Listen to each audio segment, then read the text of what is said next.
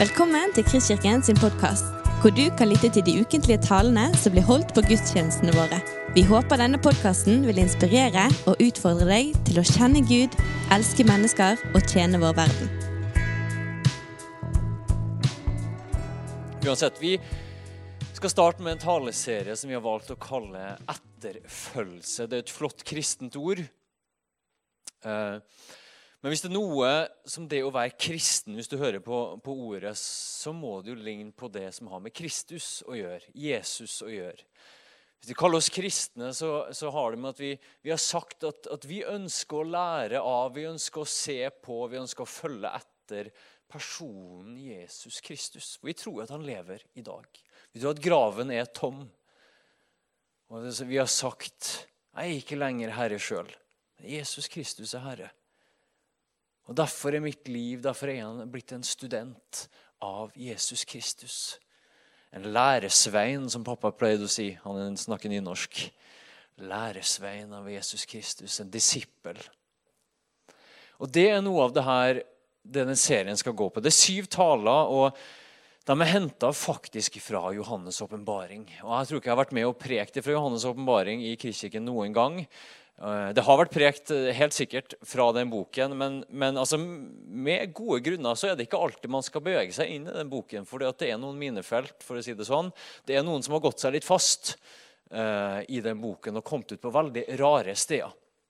Samtidig tror vi at også Johannes' åpenbaring er inspirert av Gud. og uh, ja, den, den, bør også prekes, da, men, men, det bør gjerne kanskje være et litt sånn varseltrekant oppi hjørnet eller et eller annet når man hopper inn i den boken.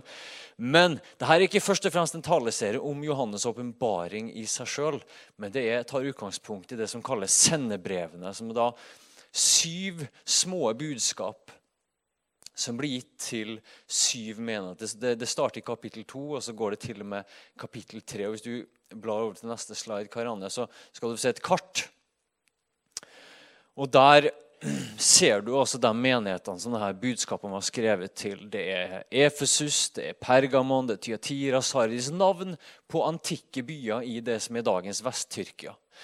Og Når du leser Johannes kapittel 2 kapittel 3, så, så, så går det fram at dette er budskap fra Jesus Kristus sjøl inn til en konkret menighet i det første århundret. Og De var samla eh, små, relativt små forsamlinger i antikke byer som Pergamum og Smyrna og Philadelphia osv. Eh, og denne taleserien tar utgangspunkt i de sendebrevene. Sånn det kalles. Det er jo ikke noe, er, jeg kaller jo ikke noe et sendebrev i dag. I dag kaller jeg det en e-post eller en tekstmelding eller et brev. sant? Eh, men vi har jo litt sånn kristen sjargong, så vi kaller det et sendebrev. Eh, men det er, et, det er et lite budskap som kommer ifra Jesus Kristus sjøl inn i en konkret situasjon. Inn til en gruppe mennesker som har sagt i sin romerske, hedenske kultur, i sin antikke tenkemåte, så, så, får de dette budskapet. Hva betyr det for dem å følge etter Jesus Kristus? Så Nå skal vi dykke inn i det budskapet som kommer til menigheten i Efesus. Og så har vi sagt det at vi ønsker å høre det som de hørte, med symbolikk med bilder, med den teksten sier. Og så har vi lyst til å si hva betyr det for oss i dag? Det er 2000 år siden, og det er 2000 år i tid, men det er også 2000 år i, i, i kulturelle forskjeller. Så jeg tror man skal ha en viss ydmykhet når man angriper de her tekstene. fordi det er ikke alt vi helt greier å forstå. Noe ville vært åpenbart for den som leste og hørte de her budskapene. De hørte jo først og fremst, ikke, ikke leste sånn som oss, men som ikke nødvendigvis er helt opplagt for oss. Men samtidig er jeg overbevist om at de her syv menighetene og Du ser et mønster i dem at Jesus roser noen ting, og så tar han opp noe annet som, som, er av og til helt kritisk for at menigheten skal overleve. Og så kommer det noen, noen løfter også om dem som, dem som, kommer seg gjennom kanskje det vanskelige, og dem som, dem som, som holder, seg, holder, bekjennelsen til Jesus Kristus høyt. Um, ja. Så Det er altså det vi, det vi dykker inn og Vi skal starte med det her budskapet til menigheten i Efesus. God himmelske Far, vi legger dem eh, den stunden her i dine hender. Jeg takker Jesus Kristus for at du er her. Det største Det som er mest sant i det rommet her akkurat nå, her, det er at du er her. Takk for at du er her med din ånd og med din kjærlighet. og Du kjenner hver enkelt av oss her. og Jeg takker for at når du taler sannhet til våre hjerter, Herre, til vår tanke, her, så er det for å formidle liv, Herre, og sette i frihet, Herre. Så virk på våre tanker, Gud, og virk på våre hjerter, Herre, sånn at vi kan få se deg, Jesus, med vårt indre øye.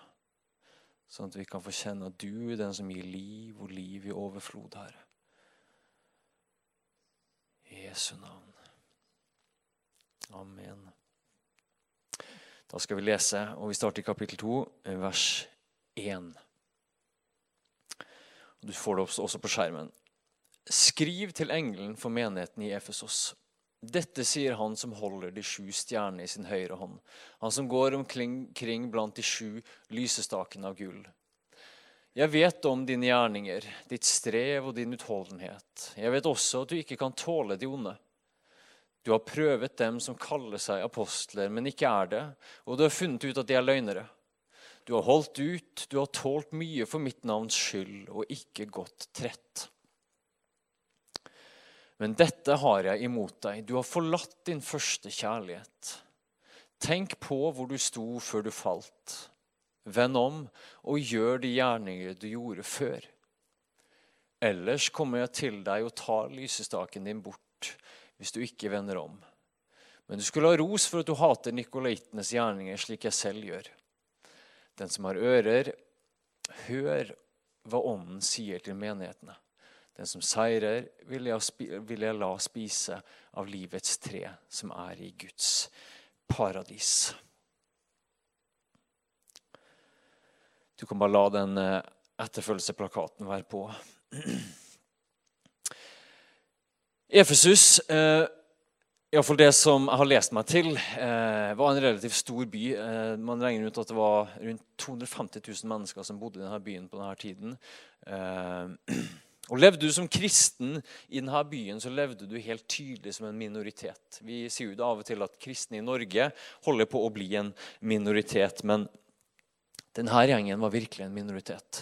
Både i, i, i, i, måten de skilte seg ut kulturelt på, men også i antall. Og byen Efesus var en, var en flott by, en mektig by. og um, Hvis du reiser dit i dag, så kan du fortsatt se ruiner etter, etter storslåtte bygg. og det var spesielt to ting som uh, de her første kristne ville møtt i dagliglivet sitt. og Det var for det, det, var for det første uh, hele tiden å bli minnet på at det fantes en romersk keiser. Det var, det var statuer, det var, det var, dyrkelse av den romerske keiseren. Ikke bare som en leder eller en politisk leder, som vi vil tenke i dag, men som Gud. Og Keiserdyrkelsen var ikke bare noe som du gjorde altså, Det var ikke bare noe som, som, som kom noe da. Det var, en, det var, noe som satt dypt i kulturen, en, en dyp sånn avgudsdyrkelse som lå eh, som en sånn normal i samfunnet. I tillegg så hadde du i Efesus noe, et, et, svært bygg som var et av verdens sju underverker, som var kalt Tempelet til Artemis. Eh, denne gudinnen som ble dyrka for, for, eh, for uh, liv og grøde og, og, og så videre. Uh, og i, i følge med denne Artemis-dyrkelsen så fulgte det en hel, en hel greie. En, ene tingen var at det her tempelet der, der det var et, et, monumentalt bygg.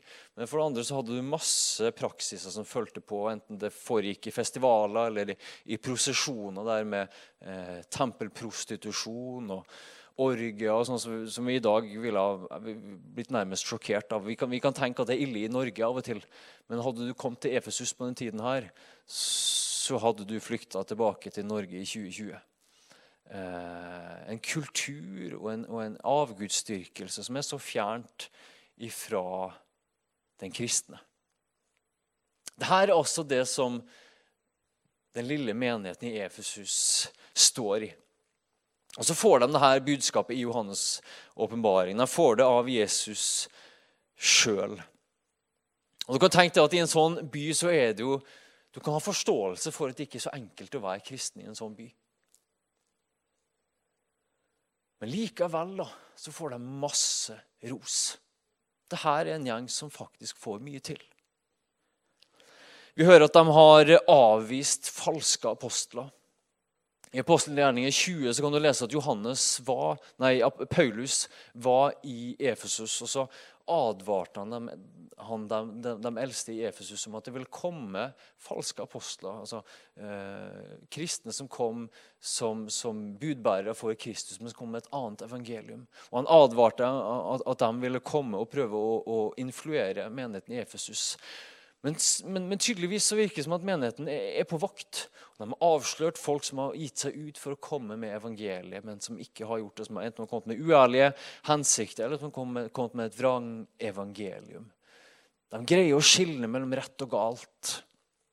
Har en oppøvd en sånn, sånn sans til å, til å, skille at nei, du har rett, du har galt. Det her er sant, det her er ikke sant. Det der er løgn, det her er det sanne evangelium. Det var det, var, det, var det her vi fikk overlevert, overlevert om Jesus Kristus, og ikke det du kommer og sier. Så de er på. Det står også at de ikke tåler det onde. For en hedersbetegnelse. De tåler ikke det onde. Det håper jeg at noen kan si om meg altså, etter et langt liv. At han, han tålte ikke det onde. Sant? Elsker, elsker det gode. Jobbe for det gode. Du tåler ikke det onde.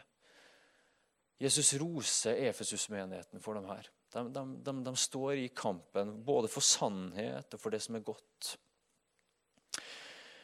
Du får et, et bilde av en menighet hvor den indre tilstanden og, din, og, og, og, læren er bevart ren. Doktrine bevart ren. De har luka ut ugress og holdt vranglæren unna. Og i tillegg, da, som ikke dette var nok, så får du denne setningen om at de har hata nikolaitenes gjerninger. Og, og, Det er ikke så enkelt for oss å si hva det betyr, og, og de, de, lærde strides litt hva det faktisk betyr òg. Men sannsynligvis så betyr det noe som, som har med seksuell umoral å gjøre.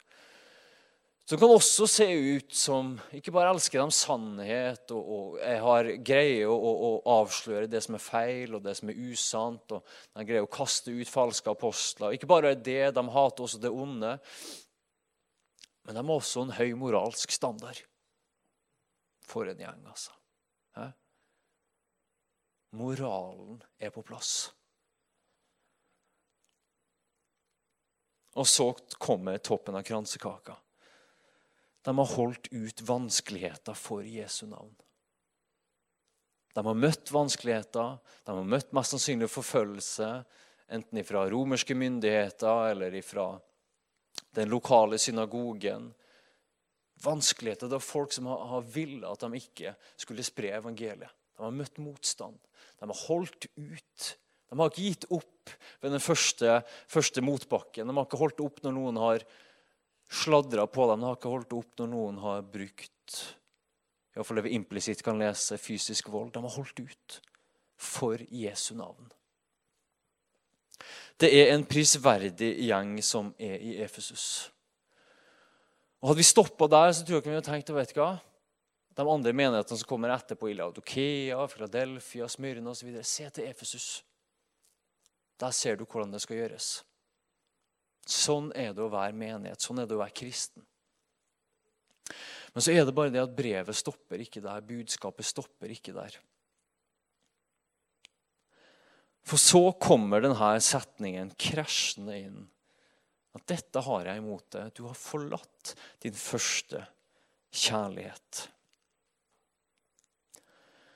Og plutselig så snus bildet, iallfall sånn som jeg leste. At du har en gjeng som har så mye på plass.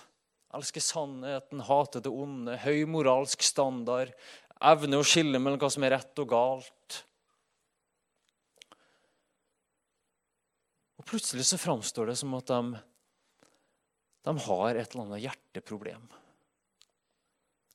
I det ytre så ser det fantastisk ut, men så har de på en eller annen måte sånn som Bibelen sier det, forlatt sin første kjærlighet. Og så virker det som de kanskje gradvis, kanskje umerkelig for på dem sjøl så har de beveget seg vekk fra sentrum og over til noe annet.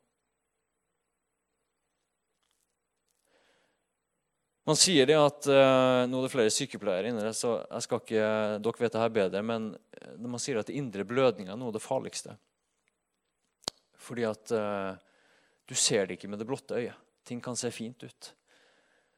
Men konsekvensene er dødelige, fatale.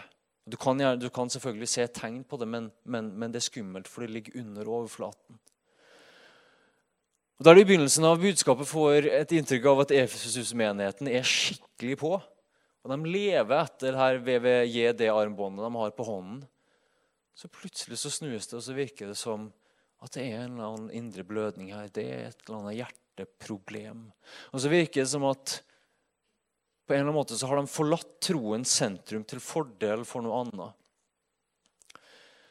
Jeg vet ikke, Og så har de kanskje blitt så glad i hva skal man kalle troens ramme at man har glemt dens innhold og dens hjerte. Og Så står det her at, eh, at man har forlatt den første kjærligheten. Jeg har alltid tenkt at det er den kjærligheten som, som uh, meg og deg og de her har til Jesus.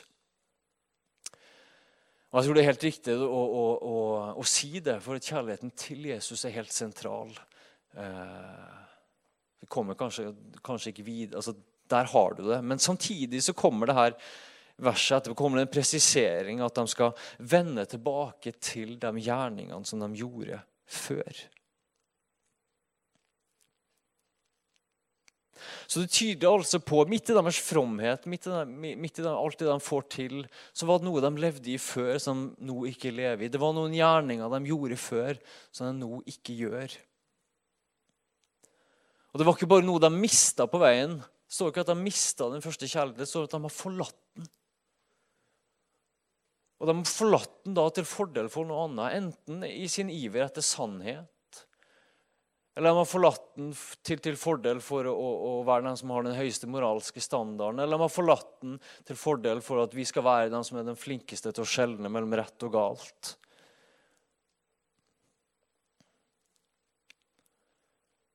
Men så refereres det altså til de gjerningene som de gjorde før. Og er det ikke sånn at all menneskelig erfaring tilsier det at det er Words are cheap er vel noe, et uttrykk som heter på engelsk. At ord er billige. Og vi, vi, vi, Sånn som, sånn, som, Lisbeth leste også i skriftlesningen. Sånn vi, kan stå her og vi kan tilbe og vi kan ha det flott og vi kan kjenne på flotte følelser. Vi kan kjenne at vi elsker Gud når vi står på lovsangsmøte eller når vi sitter hjemme og har andaktsstund. eller vi sitter og ser på en fager blomstereng, og sola skinner, og det er flott sånn fuglekvitring i bakgrunnen. Da kan vi kjenne følelsene bruse. At jeg elsker Gud. Og så er det akkurat som at det, i det verset Lisbeth leste også her, så er det akkurat som at Bibelen er på med en gang. Og sier at det, det å si at man elsker Gud, er lett. Men det å ha de gjerningene som følger opp, som viser at det faktisk er en realitet i hjertet, er verre.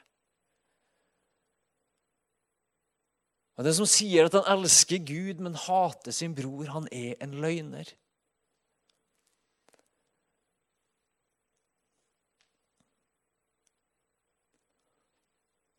Og Derfor tror jeg også denne teksten er så tydelig på å koble det opp mot de gjerningene. fordi at Hvis vi går rundt og sier ja, vet ikke, jeg elsker Gud, jeg elsker Gud. Så kan vi begynne å tro på det sjøl også. Og, og, Det er sin plass å si at man elsker Gud, men så utfordrer teksten også Jesus utfordrer denne menighetene. Se på hva gjerningene dine forteller. Sånn? Ik ikke, ikke, ikke, hør på det jeg sier, men se på hva jeg gjør. Jeg holder på å oppdra tre barn under fem år, og jeg må minne meg sjøl om det her hele tiden. Det må være samsvar mellom ordene mine og gjerningene mine. Hvis ikke så går de etter gjerningene mine.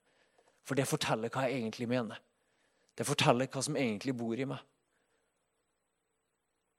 Jeg kan si alt jeg greier at jeg elsker Amalie og Jonathan og Ingrid. Hvis ikke gjerningene mine viser det, hva er det da?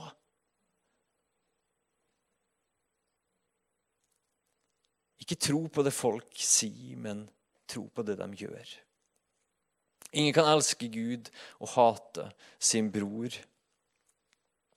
Og så planter Bibelen oss i det konkrete og redder oss fra et selvbedrag.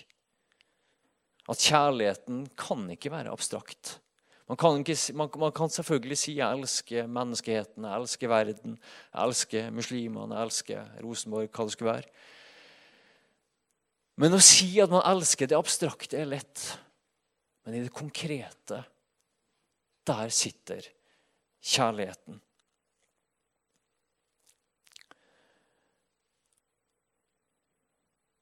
Og Så tror jeg kanskje at Efesus-menigheten her har flykta til noe av det her ytre. De har flykta til denne høye moralske standarden. De har flykta til denne evnen til å kunne være kritisk og fortelle nei, du har feil og du har rett. De har flyktet her, vi, vet hva, vi er de som hater det onde. Vi er litt sånn, litt sånn selvrettferdige, og vi er det. Vi er korrekte. Og så er det veldig Iallfall hvis jeg skal tenke litt inn mot mitt eget liv. Det er veldig enkelt på en måte å flykte til de her ytre greiene. For da trenger jeg ikke å endre hjertet mitt. For et liv i Guds rike handler om et forandra hjerte. Og Så kaller Jesus denne menigheten til å vende tilbake til den første kjærligheten som prega hjertet. Og Det som preger hjertet vårt, det er det munnen flyter over, og det flyter ut i hvordan vi handler.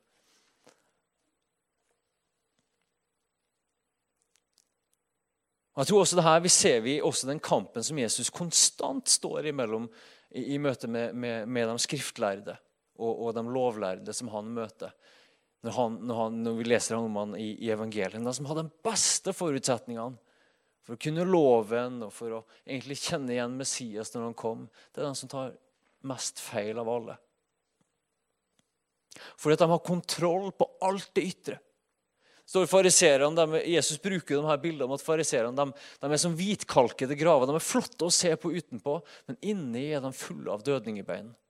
Det står at De er så ivrige til å vaske karene på utsiden. De hadde masse sånne rituelle renselsesgreier som gjorde at de, de vaska utsiden av kar og bestikk og, og, alt sammen for at det skulle være rituelt rein. Men de vaska ikke innsiden, som Jesus var opptatt av. De vaska ikke hjertet. Og Så ligger han konstant og kniver med dem fordi at han kan hver eneste tøddel i loven, men har glemt hva loven hviler på. At du skal elske Herren i Gud av hele ditt hjerte, av hele din sjel og all din kraft, og at du skal elske din neste som deg sjøl. Der har du essensen i loven, sier Jesus. Der har du ånden, der har du hjertet i loven. Alt hviler på det. Og så holder de fast i den ytre formen i lovens bokstav. Og så er da den tragedien midt oppi alt sammen ikke, at, ikke bare at det da blir en ytre sak i seg sjøl, men det kommer en hardhet inn. Man blir så opptatt av å være den som skiller mellom rett og galt, og som, som, som sier at vi er den som har høy moralsk standard, og vi er den som har ting på stell. Vi er den som avslører hvem som er falsk, og hvem som, som ikke er det. Vi er den som står i forfølgelse. Og så kan man være en mester i det med harde hjerter. Og da kommer 1. Korinterbrev, kapittel 13. Det skal vi lese hvis jeg greier å fiske det fram her. Og hør på det her. Om jeg, om jeg taler med menneskers og englers tunger, men ikke har kjærlighet, da er, da er jeg bare drønne malm eller en klingende bjelle. Om jeg har profetisk gave, kjenner alle hemmeligheter og eier all kunnskap. Om jeg har all tro så jeg kan flytte fjell, men ikke har kjærlighet, da er jeg intet. Og om jeg gir alt jeg eier, til brød for de fattige, ja, om jeg gir meg selv til å brennes, men ikke har kjærlighet, da har jeg ingenting vunnet. Og så er Guds livet i Guds rike som er tilgjengelig for meg og deg til å leve i hver eneste dag. Som Jesus har åpnet opp for at vi kan få leve i Guds rike. Det begynner ikke en dag når vi kommer til himmelen. Det er invitasjon. Hvert eneste sekund, hvert eneste minutt, hver eneste morgen så er det en invitasjon til å leve i Guds rike. Men liv i Guds rike forutsetter at hjertet er villig til å endre seg. At man er villig til at kjærligheten får gripe hjertet. Hvis ikke så havner man i forblindelse, man havner i, i rett og slett selvbedrag. Og så blir man så opptatt av troens eller, religionens eller lovens ytre eller bokstav at man forsvinner ned den gaten. og Så forlater man sentrum, og så innser man ikke hva som har skjedd. For hjertet har blitt hardt. Og med ordene sine så forkynner man Bibelen eller loven. Og så har man mista den første kjærligheten. Hans Ur von Balthasar, en tysk teolog, sa det at det er kun kjærligheten som er troverdig. Og Vet vi ikke det fra menneskelig erfaring også, at hvis det, hvis det, er noen som har baktanker, eller noen som kommer til oss med smigrende ord, men harde hjerter, så merkes det. Og jeg, lurer på meg sjøl er det oss, altså Vi snakker jo sånn av og til om evangelisering. Sant? Om, om, å spre de gode nyhetene. Er, det, er det en forklaring her på hvor gode nyheter det vi egentlig sprer? Hvor troverdig er de gode nyhetene? Hvis ordene sier én ting, men hjertets tilstand er noe annet. Og så er da liv i Guds rike det her at Jesus sjøl sa det her at kjærligheten er ikke noe abstrakt. Kjærligheten er et verb. Det er vel U2 som synger det, ikke det? en av tekstene sine, at kjærligheten er et verb. Det er noen handlinger der, og Gud har sjøl avslørt sitt hjerte. Men Gud, står det, viser sin kjærlighet til oss ved at han døde for oss mens vi ennå var syndere. Gud satt ikke i sin himmel og så sa han masse flotte ord om hvor høyt han elska deg og hvor høyt han elska verden. Ja, han sa det også, og så fulgte han det opp med handling. Så ble han menneske, så tok han på seg min og din tilstand fullt ut. Og ikke bare det, han ble til synd for oss. Så gikk han opp på det korset i total selvoppofrende kjærlighet. Snakk om å sette handling bak ordene. Snakk om å brette ut hva det hjertet er fylt av. Og så viser han Faderens hjerte for verden. Og sier han sånn er det Gud ser ut. Dere har kanskje trodd at Gud er hard, eller at Gud er fjern, eller at Gud er en som er veldig opptatt av å straffe. eller å peke på ting som er rett eller galt. Eller kanskje dere har en gud som ligner litt denne Efesus-menigheten, som er utrolig sånn hva som er rett og galt, og hva som er innenfor og utenfor. Så viser Jesus oss hvem Gud er. Jeg tror det var A. We Tozer som sa det, at den viktigste enkeltfaktoren i ditt liv er hvilket bilde du har av Gud. Og vi er alle prega av vår egen, våre egne fedre og vår oppvekst og hva vi har hørt undervist. Men vi gir deg en utfordring. Begynn å lese evangeliene. Matteus, Markus, Lukas, Johannes. Og så begynner du å se på Jesus. Og Så ser du hvordan han ser ut, hvordan han reagerer, hva det er han sier. Og Så sier Jesus om seg sjøl at den som har sett meg, har sett Faderen. Så håper jeg da at ditt bilde av Gud ligner på Jesus. Så handler da liv i Guds rike, et liv i etterfølgelse, handler da ikke om å leve perfekt. Ja, det er flott å skjelne mellom rett og galt. og I Norge i dag så det er flott at kristne har en evne til å skjelne. Det er flott at kristne har en høy moral. Det er flott at kristne kan avsløre løgn og fortelle hva som, hva som, hva som er rett. Men hvis det er kun det vi kommer med, så er det ingenting verdt, sier 1. Korinterbrev kapittel 13. Og vi vil aldri greie å peke på Gud, han som sier om seg sjøl at han er kjærlighet. Og Da minnes jeg lignelsen du kan kanskje godt sant, om de to sønnene. Han ene sønnen har kasta vekk hele arven sin på, på festing og, og reist, reist, langt vekk og ført hele familien i skam og vanære og kommer tilbake fullstendig tomhendt. Både psykisk, kulturelt, økonomisk. Og så blir han møtt med denne fabelaktige omfavnelsen av sin far. Og Så får vi denne scenen etterpå at faren arrangerer en svær fest for sønnen som har kommet hjem. Som var død, men som har blitt levende. Så møter vi denne eldste sønnen, og han minner meg om Efesus-menigheten. Som har gjort alt riktig. Den eldste sønnen tok ikke pengene sine og forsvant til et land langt unna og sløste det vekk.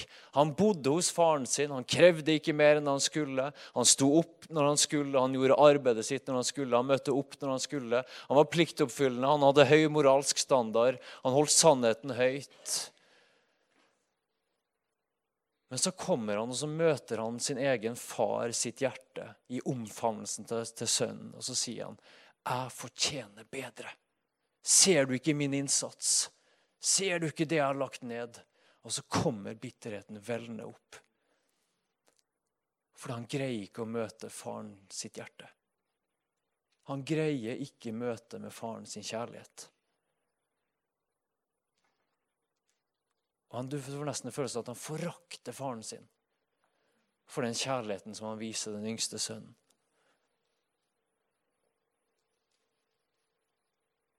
Og Så møter faren hans og sier ja, det er ikke som at han, han støter den eldste sønnen ut. Det er også en omfavnelse av den eldste sønnen. Men også den eldste sønnen må forholde seg til sitt eget hjerte. Ja, den yngste sønnen kom hjem og kom med ingenting, men, men, men hjertet hans ble grepet av Faderens kjærlighet. Og så sier faren til den eldste sønnen, 'Barn, du er alltid hos meg, og alt mitt er ditt. Og Det er en like stor omfavnelse av den eldste sønnen som den yngste sønnen. Men den eldste sønnen må være villig til å la det prege hjertet. Hvis det ikke kommer han ikke til å gå inn på den festen. Så minner det meg om denne Efesus-menigheten som har forlatt sin første kjærlighet. Og Så lurer jeg på da, hvem er det som er nærmest Kristus? Den som er flink til å ta Jesu navn i sin munn, som er flink til å, å fortelle om teologiske sannheter eller, eller, fortelle om hva som er rett og galt i Norge i dag, og hva Bibelen sier om det ene og det andre? Eller er det den som legger ned sitt liv for noen andre i kjærlighet, som nødvendigvis ikke har det i snakketøyet på samme måten? Hvem er det som er nærmest Kristus egentlig?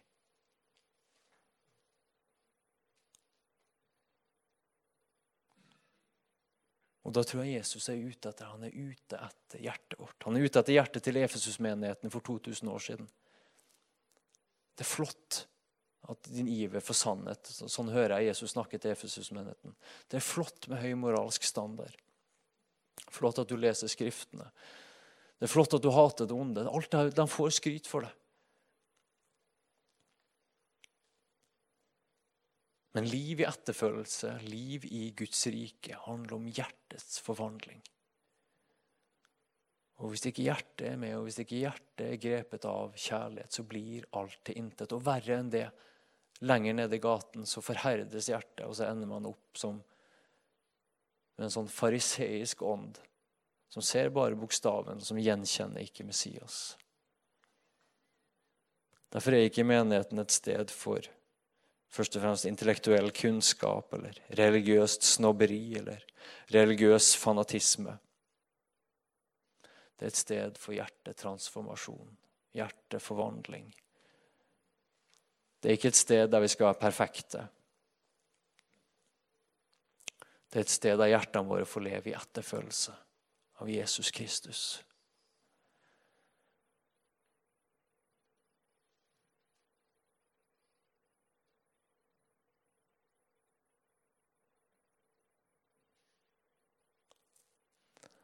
Og Så leser vi hva Paulus sier til den unge kirkelederen Timoteus, som skal avslutte med det, så skal vi be sammen.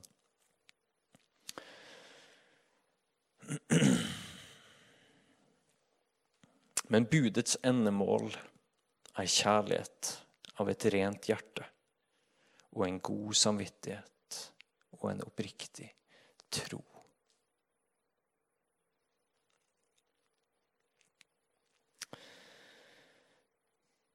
Du skal få reise deg, og så skal Tone Lise få avslutte etterpå. Men vi vil bare at vi skal lede oss i en liten bønn.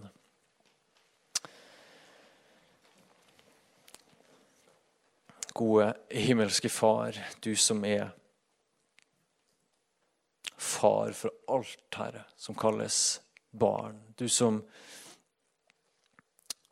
du som sier om deg sjøl at du er kjærlighet. Du som sier om deg sjøl at du er lysenes far. Hos deg er det ingen Ingen forandring, ingen, ingen skiftende skygge. Det bor ikke noe mørke i deg, Gud. Og Jeg takker Herre, at du står der, Herre, med en, med en invitasjon til hver enkelt av oss, Herre, til å, til å ta opp vårt kors og til å følge etter deg, Jesus Kristus, inn i en total transformasjon, Herre. Inn i hjertets forvandling, intet mindre, Herre, og ingenting av det skjer uten ved din inngripen, Gud, og din ånd, Herre. Men vi åpner oss for deg, Herre, og vi ber Herre om at vi skal få være mennesker Herre, som har hjerter som er myke, og som er prega av hvem du er, Herre. Hvem du virkelig er. Prega av din kjærlighet, Herre. Og hvis det er steder i vårt eget liv Herre, der vi har slutta å elske, Herre, så åpner vi det for deg nå, Gud, og ber om at du skal se på det, Herre, og puste på det, Herre, og berøre det, Herre. Da vi kjenner at det er hardhet i våre hjerter, Herre, det, det gir vi til deg, Herre. og Takk for at til hver enkelt av oss går det ordet ut her at barn, du er alltid hos meg, og alt mitt er ditt. Takk for at du har en invitasjon til hver enkelt av oss hele tiden å få lov å leve i ditt rike, Herre. Og ber her om at i tiden som ligger foran her, at vi i, i større og større grad skal få se hva det betyr. her, At du er kjærlighet, Herre. Skal få se hva, hva det betyr at når vi ser deg, Jesus, har vi sett hvem Gud er. Og Hvis det er bilder i vårt indre og i våre følelser, i vår kropp og i vår erfaring som holder opp andre bilder av Gud enn det vi finner hos deg, Jesus, så gir vi dem også til deg, Herre. Og la oss få være et folk, Herre, som er dypt planta i den første kjærligheten. Du har lyttet til en podkast fra Kristkirken i Bergen. Vi håper du har blitt inspirert og utfordret i din vandring med Gud. Vil du vite mer om oss, så klikk deg inn på kristkirken.no.